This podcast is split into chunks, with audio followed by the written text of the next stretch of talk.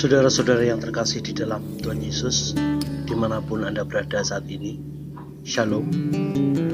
Gembala menyapa pada hari ini diambil dari kitab 2 Korintus 4 ayat 1 dengan mengambil judul Kekuatan Manusia Batinia. Saudara, kita semua tahu bahwa secara alami tubuh jasmani kita akan melemah perlahan tetapi pasti. Menjaga kesehatan, makan sehat, dan istirahat cukup memang bisa memperlambat penuaan, tetapi tidak menghilangkan kelemahannya. Sakit penyakit pada waktunya akan datang juga.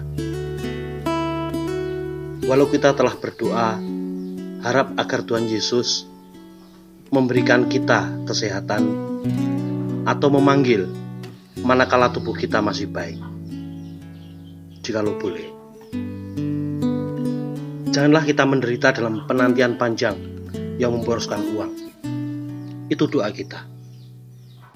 Sebab kita tahu kesanggupan dan kemampuan kita dalam menghadapi penderitaan. Karena itu, berdoalah dan berharap.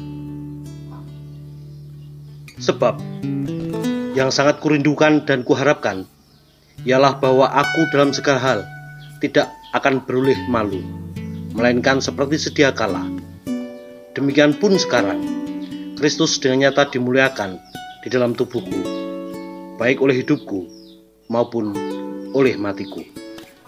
Filipi 1 ayat 20 Di dalam tubuh yang rentan ini, kita sekarang memiliki kekuatan batiniah yang sanggup mengerjakan perkara-perkara besar, yaitu perkara rohani yang sangat besar. Perkataan kita bisa menguatkan banyak orang. Pelayanan kita mengubahkan kehidupan. Itulah kekuatan batiniah yang diberikan kepada kita. Kekuatan yang hebat karena ada kuasa Tuhan yang bekerja di dalam diri kita. Sebab itu, kami tidak tawar hati.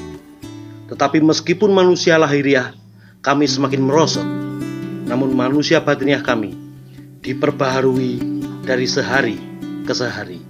2 Korintus 4 ayat 16 Jadi kehebatan dan kekuatan kita itu ternyata bukan pada kemudahan, uang, atau ilmu pengetahuan. Kekuatan kita bukan pada tubuh jasmaniah ini, tetapi pada manusia batiniah yang diperbaharui dari hari ke sehari. Walau kita menua, melemah secara jasmani, mintalah kepada Tuhan agar manusia batiniah kita diperbaharui, diperkuat setiap hari.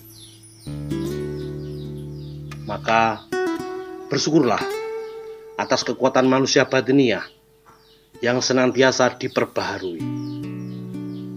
Tuhan Yesus memberkati. Amin.